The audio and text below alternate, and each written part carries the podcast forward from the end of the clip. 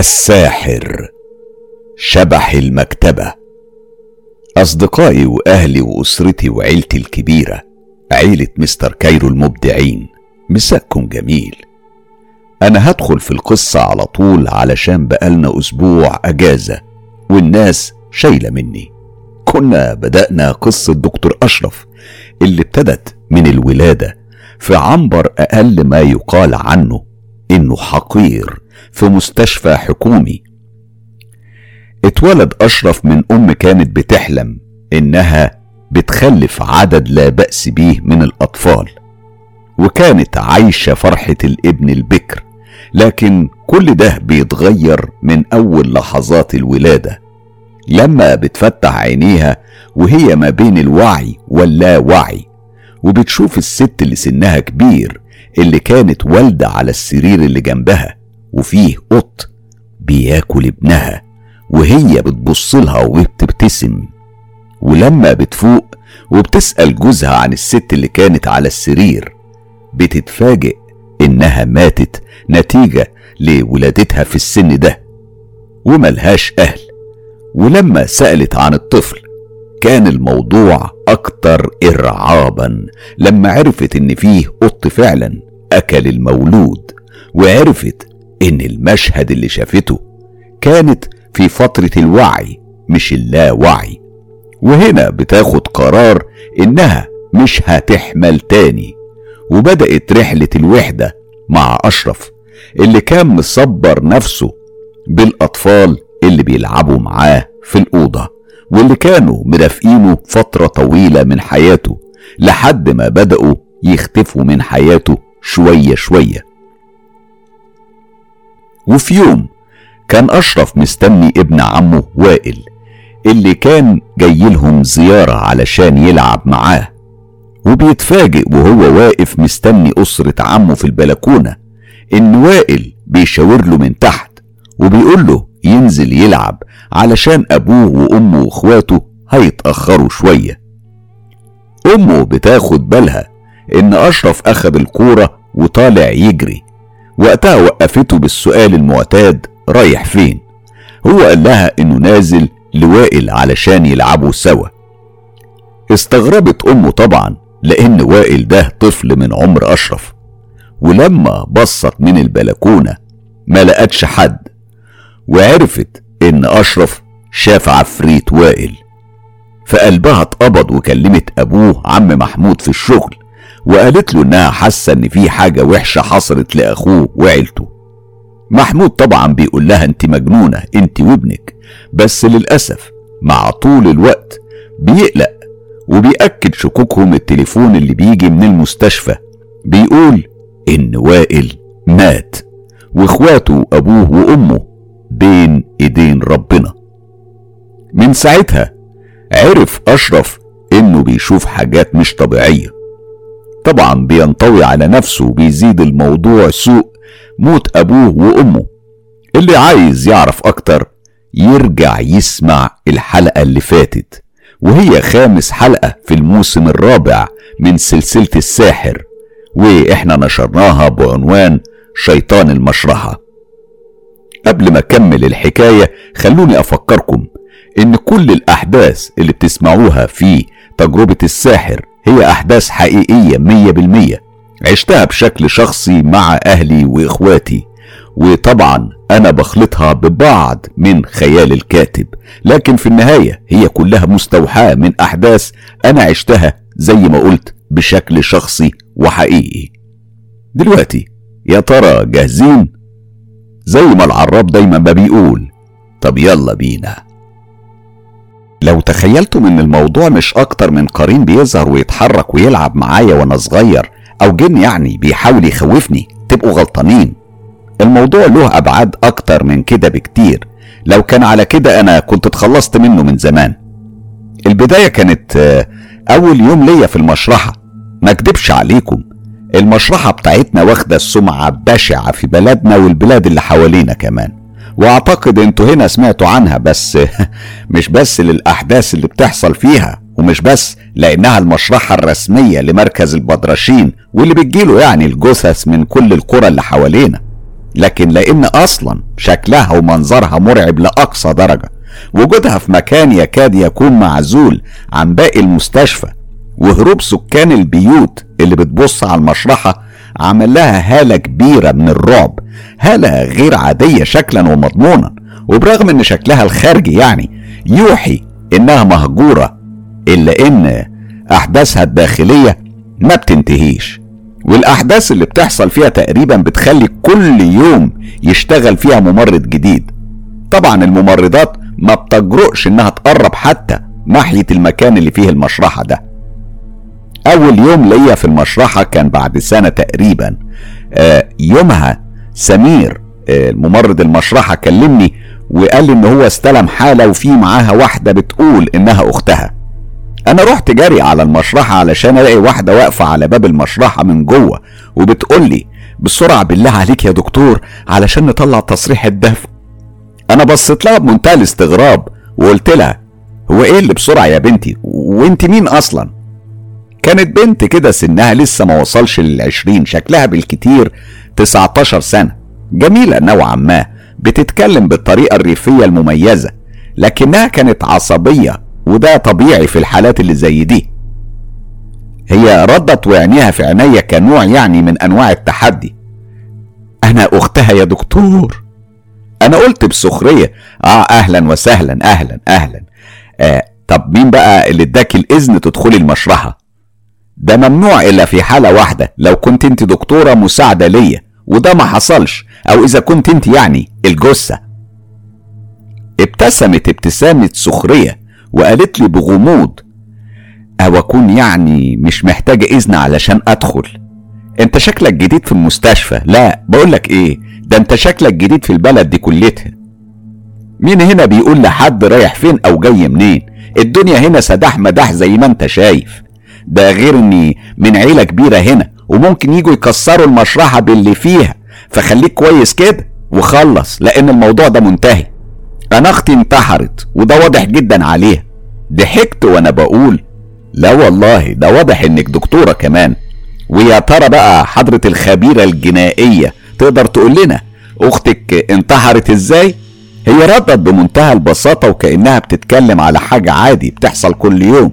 ذبحت نفسها. هنا أنا ما قدرتش أمسك نفسي من الضحك فضحكت بصوت لدرجة القهقهة وقلت لها لا والله أول مرة أسمع عنها أنا دي. منتحرة بتموت نفسها بالذبح لا جديدة والله. وبعدين أنا قلبت مرة واحدة للجدية والصرامة وأنا بقول بقولك إيه اتفضلي اطلعي بره وما تدخليش هنا تاني وإلا أنا هطلب لك الشرطة انت وعيلتك اللي بتتحامي فيها دي. خصوصا إن كلامك اللي قلتيه بيأكد إن فيه شبهة جنائية. فأنت اتفضلي بره ومفيش تصريح دفن. ده غير إن لازم يعني يكون في محضر شرطة ويكون مع الجثة عسكري. أنتوا بتهزروا ولا إيه؟ البنت شاورت لي على المكتب وقالت اسمع يا دكتور رقم محضر الشرطة مكتوب هناك. اتفضل يلا خلص وهيجي لك العسكري يمكن كمان ياخدك معاه. بصت لها من فوق لتحت ودخلت عند التلاجة اللي كان واقف قدامها سمير بيترعش من الرعب وقال أنا أنا شفتها يا دكتور. بصيت له بغضب وقلت له شفتها إيه يا أخويا؟ أنت مالك أنت كمان؟ ما تجمد يا ولد. أنت إيه شغال في المشرحة مش في ملاهي. طلع لي يلا الجثة حطها على الترول لما نشوف حكايتها إيه. ثواني وأنا بتأمل في رقم المحضر لقيت سمير بيقول لي يا دكتور الجثة جاهزة. لفيت وأنا ببص على مكان الجثة مباشرة علشان الاقيها صورة طبق الأصل من البنت اللي كانت واقفة معايا في المكتب بره. رقبتها كانت مدبوحة من الوريد للوريد لدرجة إني رجعت بصيت على البت اللي في المكتب اللي بره لقيتها خرجت. أنا قلت لنفسي في الأول يعني عادي بتحصل ممكن يكونوا توائم بس إزاي البنت ما كانش واضح عليها أي تأثير بفقدان أختها التوأم بالشكل ده؟ دي كمان كانت بتبتسم وبتسخر في كلامها. يعني هي كانت حد واعي جدا للي بيقوله. ياه ممكن يكون اضطراب ما بعد الصدمة ممكن يعني. للوهلة الأولى البنت دي اندبحت بسكينة مش حادة. ده كان واضح جدا على الالتواءات اللي ظاهرة على الطبقة الخارجية للجلد. وده معناه إنها اندبحت بسكينة مطبخ عادية مش سكينة جديدة ولا حتى مسنونة. واضح إن الشخص اللي ذبحها كان مش متمرس في الذبح يعني الشخص ده مش مجرم من الأصل والاحتمال الأكبر يعني يكون واحد من أفراد الأسرة اللي هي عايشة فيها. لأن غالبا الناس دي بتبقى عايشة في بيت عيلة فممكن يكون جوزها أو أخوه مثلا ولو هي مش عايشة في بيت عيلة ممكن يكون حد من جيرانهم. كل ده أنا عرفته بس من شكل الجرح. التشريح يعني بيكون مهم في الحالات اللي زي دي علشان لو فيه نزيف داخلي ولا حاجة وده بيثبت إنها تعرضت لاعتداء قبل الذبح. إنما واضح كده على نظافة الجثة الخارجية إنها ما لحقتش ما لحقتش يعني تقاوم غير مع بداية عملية الذبح اللي ما طولتش كتير من الأساس. أنا كنت لسه هحط المشرط على صدر الجثة علشان أقطع الطبقة الخارجية للجلد.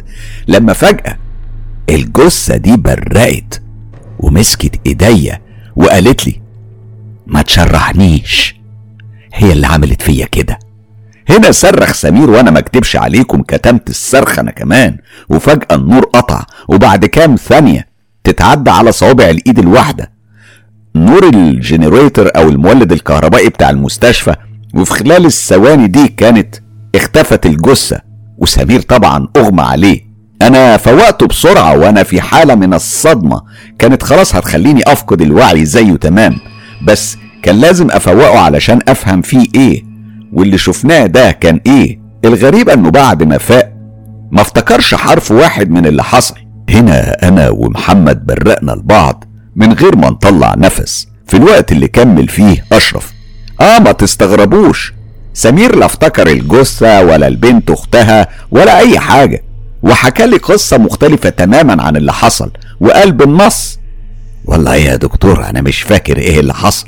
أنا فاكر إني كنت داخل أكتب التقرير اليومي بتاعي وأنا على عتبة التلاجة حسيت برجليا بتتسحب لورا وهنا عينيا لمحت بركة دم وقتها أغمى علي. تقريبا يعني كان فيه دم في الأرض أنا اتزحلقت عليه. وخبطت راسي وأغمى علي وبالرغم إن ما كانش فيه ولا نقطة دم في الأرض وبس الكلام معاه ما كانش هيجيب نتيجة. فأنا قلت له طيب قوم قوم اشرب لك حاجة تفوقك وبعد كده خليك مركز. ما استنيتش كتير. أنا قمت وقلعت البلطو ورحت على الاسم اللي كان قريب مننا وطلبت إن أنا أشوف المأمور لموضوع عاجل. وبحكم شغلي طبعا قابلني على طول. قلت له أنا بعد إذنك عايز أطلع على محضر رقم 1163 قسم البدرشين. هو فورا اتصل قدامي بظابط وقال بصوت قوي حاد بصيغة يعني كانت واضحة إنها صيغة أمر. بقول لك يا حسن هات لي محضر رقم 1163 وتعالى لي على طول. حسن رد عليه وأنا كالعادة سمعته هو بيقول إيه؟ والله يا فندم إحنا لسه ما وصلناش للرقم ده. إحنا آخر رقم محضر عندنا 1147 لو تحب أنا ممكن أجيبه لحضرتك واجي لك على طول. هنا بص لي المأمور بتشكك. ما كانش في مانع إنه ياخدني من فوق لتحت في نظرة عابرة. وقال افتكر كويس يا دكتور يمكن أنت تقصد محضر 1143 مش 1163 ما اكدبش عليكم آثار الصدمة كان باينة على وشي بس يعني ما كانش ينفع أقول أي كلام وخلاص. فأنا بصيت له وقلت له لا يا فندم الرقم مظبوط. طالت نظرة التفحص المرة دي ولقيته بيتكلم تاني موجه كلامه لحسن لا يا حسن شكرا لك على وقتك.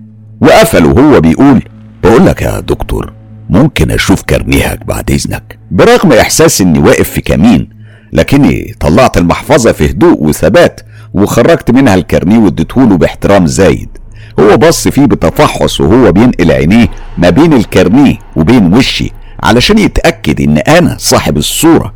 ما كانش طبعا فيه مانع برضه من نظرة أخيرة على بقي علشان يلاحظ إذا كنت أنا شارب حاجة ولا يعني في إيه بالظبط. تقريبا كان بيحاول يفهم من خلال رعشة الشفايف ولونها. والحمد لله كشف الهيئة عدى على خير.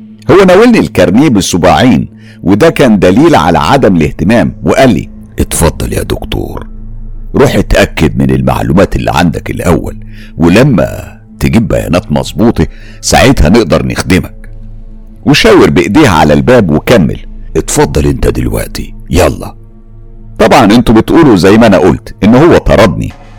أخدت الكارنيه منه بهدوء قمت من مكاني وأنا محرج أصلا أسلم عليه. خرجت وأنا هتجنن.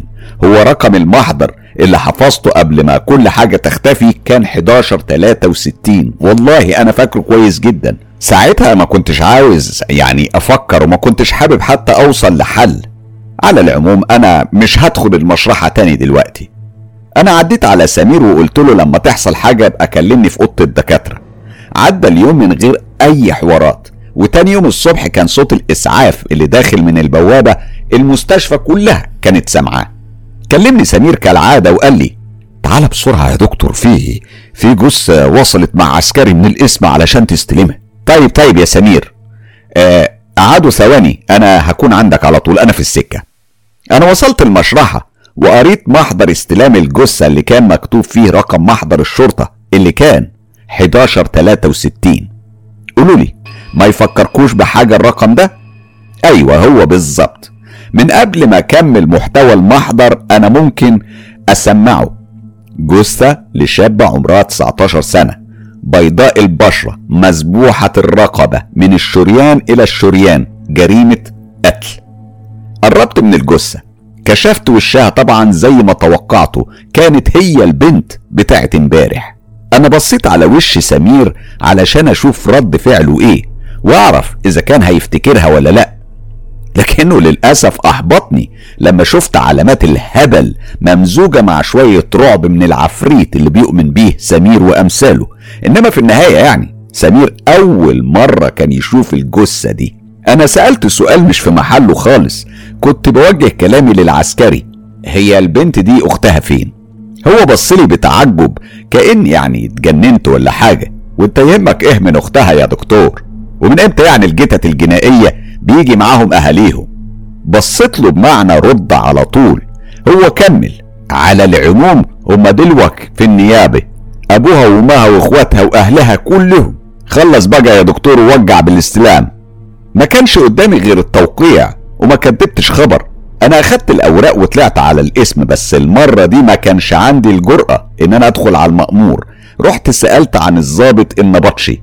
ودخلت له وعرفته بنفسي ووريته الكارنيه من البداية يعني علشان ما يتنططش عليا وبعدين السؤال الأول والأخير كان أنتوا عرفتوا مين اللي قتلها؟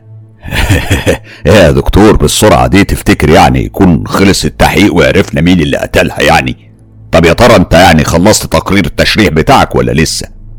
اتنحنحت وأنا بقول إزاي بس يا فندم أنا يا دوب لسه مستلم الجثة ابتسم الظابط وقال تمام. كده بقى عداك العيب. يعني انت لسه ما خلصتش شغلك وجاي تتوقع ان إحنا بقى عرفنا القاتل بالسرعة دي. عموما هو أكيد يعني أكيد حد من أهل البيت. أنا قلت له آه تقصد لأنها مذبوحة بسكينة المطبخ؟ لاحظت إن حدقة عينيه وهي كانت بتوسع وهو بيقول مظبوط كده. رديت بدون تردد. أختها على فكرة هي اللي قتلتها. اترسمت الدهشة على وشه وقال ده كلام مؤكد يا دكتور. انت عارف يعني البيت ده ساكن فيه كام واحد وواحدة ده بيت عيلة فيه الأب والأم والإخوات والأعمام وأجوازهم ومراتاتهم وعيالهم كمان. هنا أنا طلبت طلب غريب. طب لو سمحت يا حضرة الظابط ممكن أشوف أختها؟ بصلي الظابط اللي كان فيه لوحة على مكتبه باسم العقيد مجدي السنوسي. كان بيبصلي بتشكك. وقال تشوفها هي لا إنما ممكن تشوف صورتها. وراني الصورة البنت كانت مع القتيلة بس مش هي اللي شفتها امبارح يعني مش توأمها. واضح إن القتيلة ملهاش توأم من الأساس. لكن أنا كنت متأكد إن هي اللي قتلتها. وهنا أنا تخليت عن الحيادية وقلت له أقسم لك إن هي اللي قتلتها. قام مجدي من على مكتبه وخبط على كتفي كأني مجنون وقال لي طب اتفضل انت يا دكتور دلوقتي روح خلص تقريرك وأنا هعمل اللي أقدر عليه. انت شكلك يا دكتور كده محتاج تاخد أجازة.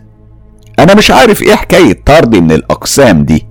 رجعت وشبه كتبت التقرير من غير ما أبص حتى على الجثة وتقريبا ما شرحتهاش زي ما كانت عايزة. غير بس بشويش كده شوية جروح سطحية مع الخياطة علشان أكون في السليم.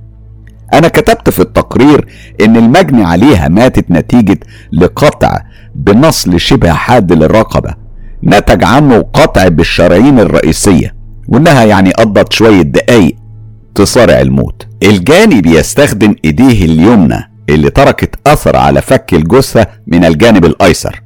ينصح بمطابقة آثار الأصابع المرفقة في التقرير مع المتهمين للأهمية.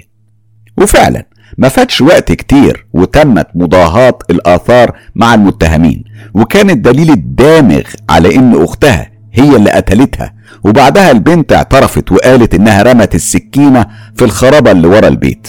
وسبب القتل إن الشاب اللي كان مرتبط بيها في السر كان ناوي يخطب أختها وخلصت القضية على كده.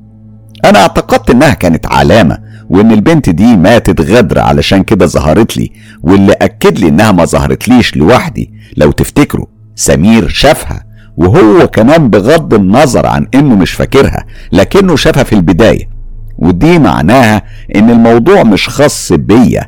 لحد ما في يوم أنا كنت سهران في المشرحة ومعايا ممرض اسمه عبد الجواد. كنا دايما بنناديه باسم عبده.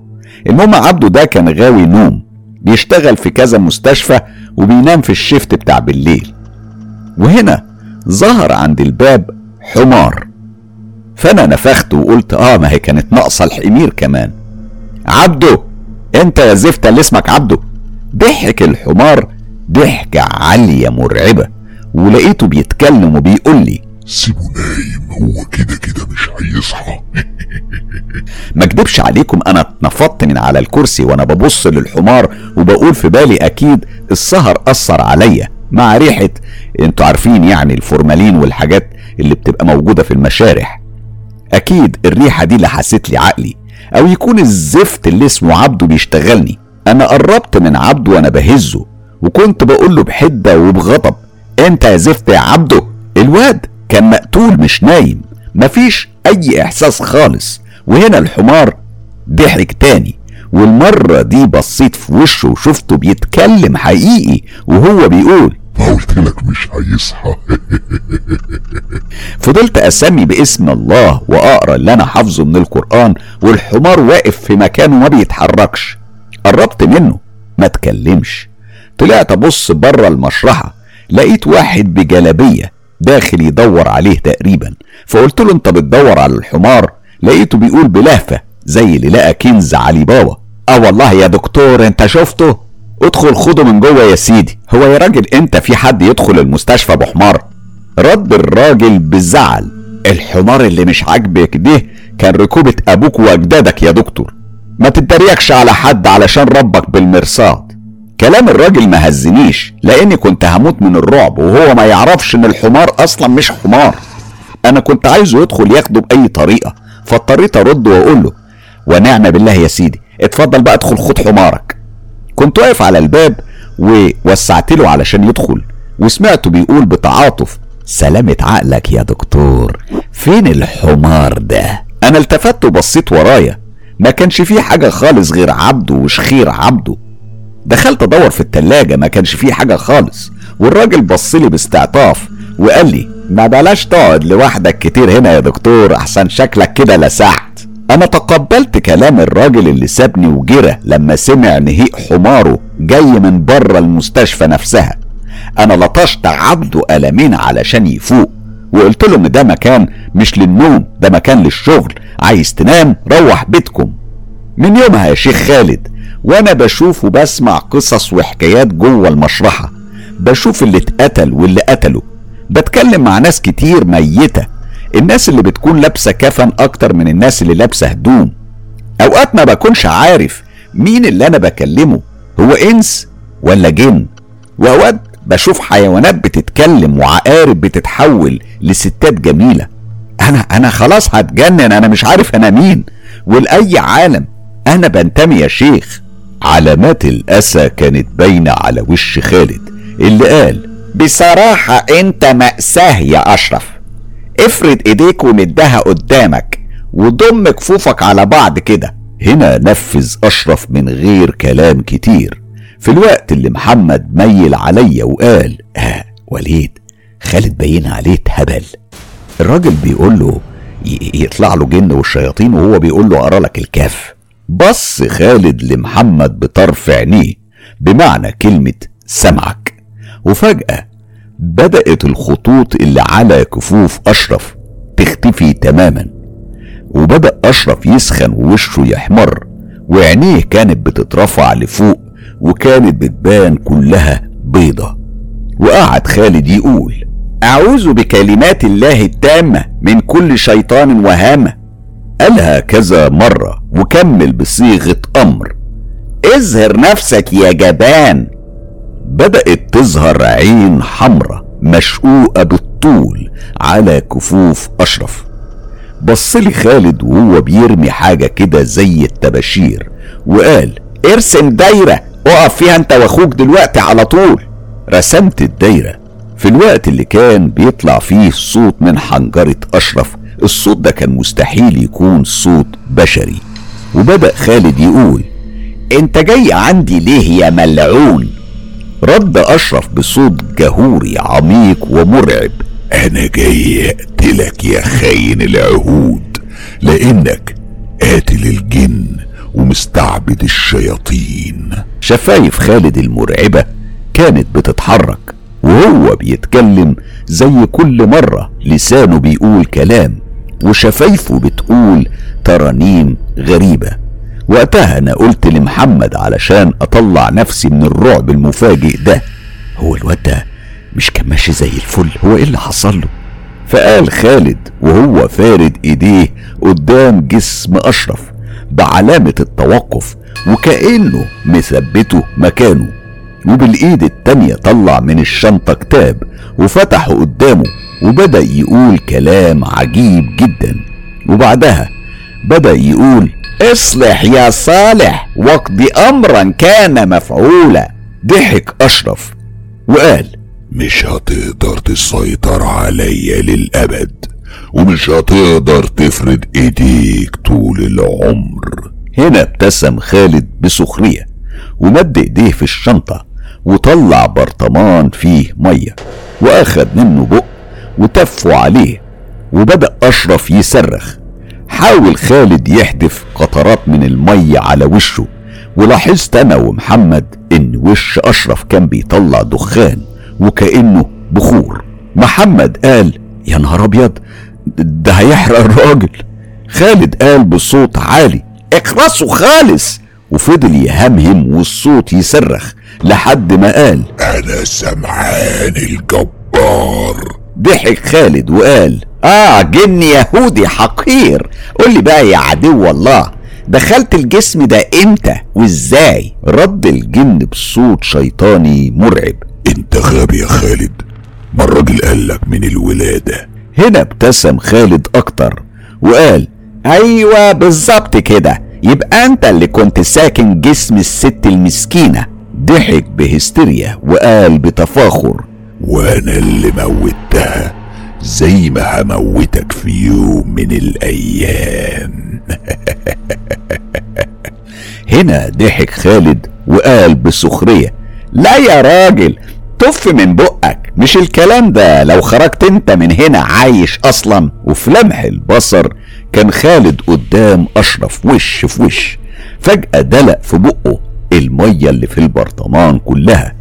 وهو بيقول بانتصار. احذر لحظة الغفلة يا مغفل. جسم أشرف قعد يتلوى وهو بيصرخ واترمى على الأرض وفتح بقه على الآخر وكأنه بيطلع في الروح. وخالد كان بيزعق فينا وبيقول لنا قولوا آية الكرسي. اقروا بسرعة. فضلنا نقرأ آية الكرسي لحد جسم أشرف ما همد تماما. وإحنا كنا خلاص هنموت من الرعب. فقال خالد خلاص خلاص كده كفاية. اتحرق وغار في داهية. إحنا اتشهدنا وإحنا بنشوف أشرف بيبدأ يرجع لوعيه.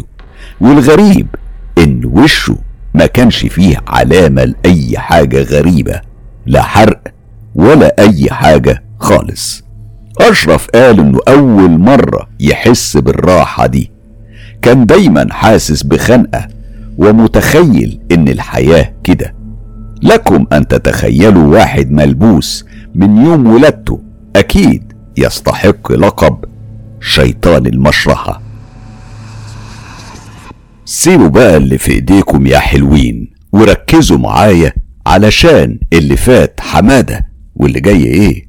حمادة تاني خالص. كان يوم السبت أنا حافظه كويس لأنه كان أول يوم في الأسبوع واللي الواحد كان دايما بيشيل همه جامد. آه ما تستغربوش ما هو ساعتها ما كانش في حاجة اسمها أجازة يومين في الأسبوع. كنا في الجامعة وعلى أول اليوم كده نجلاء كانت معدية من عندنا في كلية تجارة هي والشلة بتاعتها. سلمت علينا وهي ماشية. وبعد كام متر كده تقريبا افتكرت حاجة فرجعت ندت علينا نروح لها وقالت بجدية بقول لكم إيه أنتوا هتمشوا إمتى النهاردة؟ بص محمد على الشلة بتاعتنا ورجع نظره لنجلاء وقال يعني آه، قبل المغرب كده يا نجلاء العادي يعني. ردت نجلاء بنفس الجدية طب كويس آه، ممكن تعدوا عليا في المكتبة علشان أنا شكلي كده هتأخر النهاردة شوية. أنا قلت بسخرية. إيه ده بقى؟ آه، طب ليه بقى يا نجلاء؟ في إيه؟ أوعي تقولي إنك التزمتي بالمحاضرات يعني لا قدر الله وناوية تعملي حاجة تستفيدي بيها. بصت لي نجلاء بتحفظ وقالت آه يا ظريف عندي بحث مطلوب مني وعليه أكتر يمكن من نص الدرجات ولازم أعمله. ده غير إنه بحث يعني في مادة الجنائي وأنا بحبها جدا. ما أكدبش عليكم أنا نفسي كنت بحب مادة الجنائي بتاعة كلية الحقوق. فاتفقنا في النهاية إن إحنا هنعدي عليها في المكتبة آخر اليوم ونروح سوا. كالعادة أنا ومحمد آخر اليوم مش فاكرين إحنا مين أصلا وروحنا على البيت على طول بس إحنا كنا فاكرين إننا ورانا حاجة كان لازم نعملها قبل ما نمشي من الجامعة. إيه هي؟ إيه هي؟ الله أعلم. وصلنا البيت بعد المغرب مباشرة. كانت الدنيا ليلت فتحت لنا ميسة الباب وأول ما اترسمت على وشها علامات الدهشة المخلوطة بقلق افتكرت أنا ومحمد في نفس اللحظة نجلاء علامات الخوف اللي بدأت تغزو وش ميسة كانت بتقول إن نجلاء ما رجعتش وبالرغم إننا عارفين نجلاء فين وما رجعتش ليه إلا إن الخوف ده اتنقل لنا مع سؤال ميسة اللي قالت أمال نجلاء فين؟ رد محمد وكأنه بيطمن نفسه قبل ما يطمنها. أوبا! تصدقي نسينا نفوت عليها في مكتبة الجامعة علشان تيجي معانا؟ بصي بصي ميسة ما تقلقيش. على العموم هي أكيد على وصول. ردت ميسة على وصول إيه؟ إيه التناحة اللي أنتوا فيها دي؟ إزاي تنسوا أختكم وتيجوا كده من غيرها؟ أنا طول النهار في الجامعة حاسة بحاجة بتقبض قلبي. رديت أنا. وأنا نفسي مش مقتنع بكلامي. ما قلنا خلاص بقى جرائية ميسة. هي بتعمل بحث وعارفة إن إحنا هنمشي على المغرب. لما يجي عليها المغرب من غير ما نروح لها هتمشي من نفسها. في أسوأ الظروف يعني هتروح تشوفنا في الكلية. مش هتلاقينا. هتقوم ترجع على طول. يعني قدامها بالكتير عشر دقايق يا بنتي. اهدي كده واطمني. كانت ماما طالعة من المطبخ. ملامح وشها شايلة قلق ورعب. أكتر بكتير من اللي على وش ميسة. اسمعوا يا ولاد. انزلوا بسرعة شوفوا أختكم فين قبل ما أبوكم يجي. أنتوا عارفين لو رجع من بره شافكم قاعدين وأختكم مش معاكم ممكن هيعمل فيكم إيه؟ أنا بصيت لمحمد بمعنى إننا مش هنقدر أصلا نقعد ونجلاء مش موجودة. وهو قال لي طيب طيب يلا. آه هننزل نرجع للموقف ونشوفها فين. بس لو بابا رجع قبلنا محدش يقول له إن إحنا جينا من غيرها. وهنا كان في صوت مفتاح بيتحط في الباب. وده كان معناه حاجة من اتنين. إما إنه يكون بابا وصل وده معناه طردنا في الشارع. وإما تكون نجلاء وصلت وده معناه حل جذري لمشكلتنا. آه ما هي ملهاش تالت لأن مفتاح الشقة مع تلاتة بس في البيت. بابا وماما ونجلاء. أما إحنا الغلابة بقى نخبط أو نرن الجرس لحد ما حد يفتح لنا. المهم كان اللي بيدخل من باب نجلاء. لكن عينيها كانت زايغة. كانت حاضنة الشنطة في إيديها ومشيتها كانت سريعة متوترة واتجهت مباشرة على أوضتها. مفيش ولا حتى السلام عليكم. فقالت ماما بقلق نجلاء أنت كويسة يا بنتي. فردت نجلاء من غير ما تبص في عين حد آه آه أنا أنا كويسة مفيش مشكلة. حصل خير حصل خير. هنا كانت وصلت لباب أوضتها اللي فتحتها. ودخلت من غير ولا حرف زيادة. قالت ميسة بعد ما لمحها ما هديت نوعا ما غير بس من شوية قلق على نجلاء وطريقة دخولها الشقة. لا نجلاء فيها حاجة غريبة.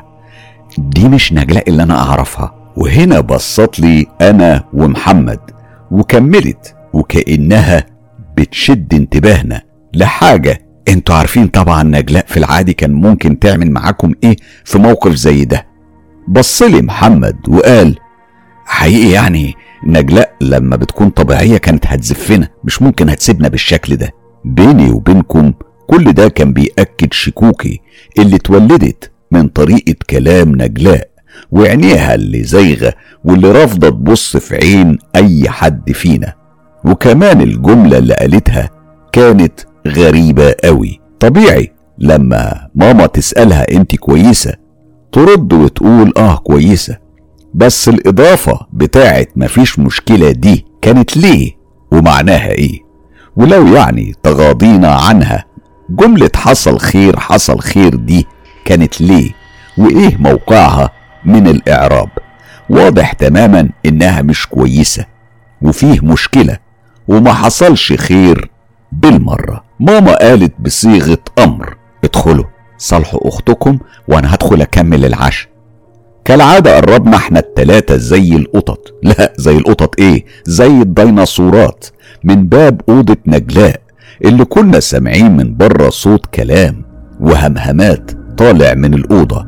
كأن الاتنين بيتكلموا جوه بصوت واطي علشان محدش يسمعهم. قالت ميسة بصوت خافت. اسمعوا نجلاء شكلها بتكلم حد. في الحالات اللي زي دي ما ينفعش فيها خبط على الباب.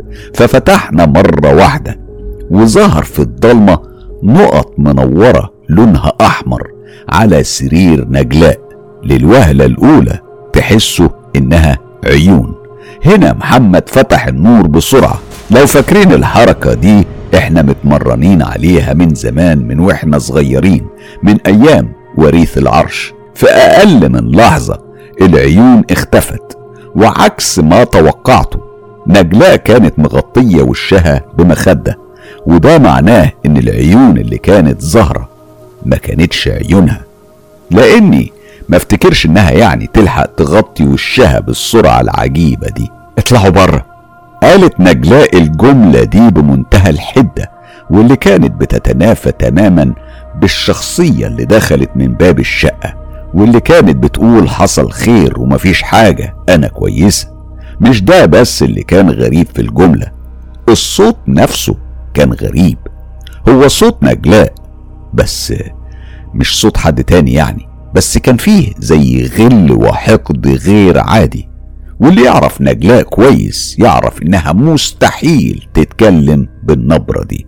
قالت ميسة وهي بتحاول تبلع ريقها وكأن إبليس نفسه كان خانقها. لا يا نجلاء إحنا إحنا مش هنمشي قبل لما نطمن عليكي وقال محمد بنبرة يمكن أكتر رعب من ميسة نجلاء مش ممكن كل ده علشان يعني نسينا نفوت عليكي وروحنا. يعني دي مش أول ولا آخر مرة يعني. طلعت نجلاء راسها بسرعة غريبة من تحت المخدة. وقالت وعينيها مبرقة والرذاذ بيتطاير من بقها من الانفعال. عروق وشها كانت بارزة وليها لون أخضر يكاد يصل للسواد. أنا قلت اطلعوا بره يبقى تطلعوا بره المفروض إنها ترجع راسها تحت المخدة بس للأسف ما حصلش. دي فضلت مبرقة في وشنا. بكل المقاييس ده مش وش نجلاء أو بالأحرى يعني مش وش نجلاء لوحدها. ده كان ميكس عجيب ما بين وش نجلاء اللي إحنا نعرفه اللي كان رايق صافي مع شيطان بشع الشكل والصوت. بصينا لبعض إحنا التلاتة بصة بتحمل معنى. وخرجنا من غير ما نقول ولا حرف وسيبنا النور منور. في لحظة قفل الباب سمعنا صوت كبس النور بيتقفل.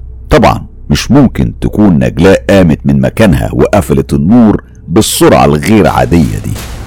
لما نربط الموقف ده بالعيون الحمراء اللي كانت ظاهرة في الأوضة قبل ما نفتح النور يبقى ده ملهوش غير معنى واحد. أيوة بالظبط. نجلاء مش لوحدها في الأوضة. ما كانش فيه قدامنا غير حل واحد كلمة السر العجيبة. خالد كان لازم نروح لخالد قبل ما بابا يرجع. على العموم هو قدامه شوية وقت. طبعا وقع الاختيار عليا علشان أبلغ ماما إن إحنا هنروح لخالد وهنرجع قبل رجوع بابا. وفعلا أخدت الإذن ورحنا خبطنا على خالد اللي فتح وهو مبتسم وبيقول أولاد الحاج جمال التلاتة هنا يبقى أكيد الرابع عنده مصيبة. اختفت الابتسامة السمجة اللي على وشه لما تأمل وشوشنا المرعوبة وقال أنا ما شفتش الوشوش دي من أيام بيت الحاجة دهب. قولوا لي بقى نجلاء مالها. دخلنا وحكت ميسة الحكاية كلها اللي اتفاجئت منها إنها هي كمان شافت العيون الحمراء ومحمد أكد المعلومة مع كل كلمة كانت بتتقال كانت ملامح وش خالد بتتبدل وكان بيحرك شفايفه بتمتمات كالعادة في المصايب الكبيرة. وميسة بتحكي لما خلصت الحكاية سكت خالد فترة مش قصيرة وبعدين قال خليكم هنا محدش يخرج من باب الأوضة مهما سمعته خرج وقفل الباب وراه لأول مرة. وبره كان فيه أصوات غريبة جدا. وكان من ضمن الأصوات صوت خالد اللي كان بيطلع صوت زي زمجرة وحشرجة. في الحقيقة أنا مش عارف من غرابة الأصوات واختلافها هل بينهم صوت خالد فعلا ولا لأ. صوت أنين وصوت صراخ وصوت عجيب تحديده. هل ده بيتوجع ولا بيغني ولا بيدندن؟ كأن مجموعة من الوحوش بيستجوبوا واحد من أو أكتر يعني من القطيع أو جماعة غير آدمية بتتضرع في صلاة عجيبة وكل واحد بأسلوبه. حالة أول مرة أحس بيها وأحس بكمية خوف مش طبيعية. هل يا ترى لإني تخيلت إن خالد اللي جايين نستنجد بيه ويحسسنا بالأمان هو نفسه مع القطيع الملعون اللي بره ده؟ رجع خالد فجأة مع اختفاء الأصوات اللي بره. جسمه يكاد يكون بيرتعش برغم إنه كان ماسك المجمرة في إيديه وفيها فحم مولع. والإيد التانية كان ماسك بخور لونه عجيب أول مرة أشوفه. لون البخور أخضر بترولي وله ريحة نفاذة أشبه بريحة الشطة لما بتتعب المناخير. بصيت جنبي لقيت الشنطة السحرية مرمية وهنا كان السؤال المهم. هو خالد جاب الحاجة اللي معاه منين؟ والسؤال الأكثر أهمية بغض النظر عن الأصوات اللي بره. هو خالد بيترعش كده ليه؟ قعد خالد مربع كالعادة بس شكله يبان عليه إنه أكتر نحافة عن خالد اللي خرج من الأوضة. عارفين الشعور ده اللي تحسوا فيه إن الشخص اللي قدامكم ده مش هو الشخص اللي أنتوا تعرفوه بس هو له نفس الملامح والصوت. كنت هحاول أقول أي كلمة أهدي بيها انفعالنا وانفعاله. وقبل ما الكلام يطلع من حنجرتي شاور خالد بصباعه على شفايفه وقال أنا مش عايز حد ينطق بحرف. الوقت ده مش متحمل أي استظراف أو كلام يعني أو حتى كلام جد. محدش ينطق غير لما أقول له ينطق وأنا هبقى أعرف وهبقى عارف مين عايز يتكلم كلام مفيد ومين لأ. أي كلام مش محسوب. هيفتح بوابات من الجحيم إحنا كلنا مش قدها. ميسة كانت هتقول هو الموضوع كبير كده لأن خالد بصلها وثبت عينيه في عينيها وقال بصيغة فيها تهديد أكتر منها إجابة. آه يا ميسة الموضوع كبير قوي وأكبر كمان مما تتخيلي. إحنا ما كناش قادرين نسيطر على دموعنا. اللي كانت نازلة بدون تحكم مننا. ودي أول مرة خالد ما يحاولش يهدينا ويقول لنا إن فيه أمل وإن الموضوع هيتحل وما تخافوش أو حتى يقول لنا ما تعيطوش. رمى البخور العجيب اللي كان لون الدخان بتاعه أسود قاتم ريحته عاملة زي ريحة الشعر المحروق. ريحة كانت بتحفز كل عضلات المعدة علشان تفرغ كل اللي فيها. بدأ خالد يتمتم ويقول ترانيم بس المرة دي كانت أشبه بالزن والأزيز ملهاش نغمة موسيقية معينة. وهو مثبت وشه على المجمرة اللي كان الدخان الأسود بيزيد فيها من غير ما يرمي بخور زيادة. وكأنه بيزيد بالتغذي على الترانيم. وفجأة اترسم على وشه الضيق مختلط بانفعال غير مبرر. وفجأة مسك الشنطة وطلع منها المذكرة قطع منها ورقة فاضية ورسم دايرة قسمها جوه الأربع أجزاء. وكل جزء كتب فيه رموز أو كلام إحنا طبعا مش عارفينه. ممكن تكون أسماء. الغريب مش في كده. المشهد ده إحنا شفناه مئات المرات. المرة دي كان الغريب إنه كان بيكتب بريشة والريشة كانت بتكتب من غير حبر. بعد ما خلص اللي بيكتبه جوه الدايرة رسم من بره مثلث. أنا مش عارف إيه الحكمة من الموضوع ده لحد النهاردة. بعدها حركها على الدخان كذا مرة. وهو لسه بيزن. وبعد فترة مش طويلة بدأت الورقة تاخد اللون الأزرق شوية شوية بدأ يتحول للكحلي وبعد ثواني معدودة اتحول للون الأسود. وفجأة فلتت من إيد خالد علشان تقع في المجمرة كأن إيديه أصابتها صعقة أو تيار كهربائي. إحنا ما كناش قادرين نخبي الخوف في ملامحنا وإحنا بنعيش المواقف دي كلها. واللي زود مأساتنا إن خالد قال أعوذ بالله من كل شيطان وهامة. أعوذ بالله من كل شيطان وهامة. كررها كذا مرة تقريبا بعدد محسوب وبعدها قال بخوف أختكم معاها شر عظيم لو اعتبرنا نجلاء بتستقطب أكبر الكيانات شر على وجه الأرض فالمرة دي هو أشر الكيانات فيهم. فيه روح خبيثة تحررت من العالم المظلم روح شريرة شرسة وفكرة التخلص منها شبه مستحيلة وهتروح فيها أرواح كتير. هنا قالت ميسة بهلع. يا نهار أبيض! طب إزاي أصلا وصلت لها؟ خالد قال ببرود مش طبيعي. أنا مش مسموح لي أقول أكتر من كده. الاسئلة دي أنتوا وفروها لاختكم لما تفوق. ونصيحة مني محدش يدخل أوضتها النهارده.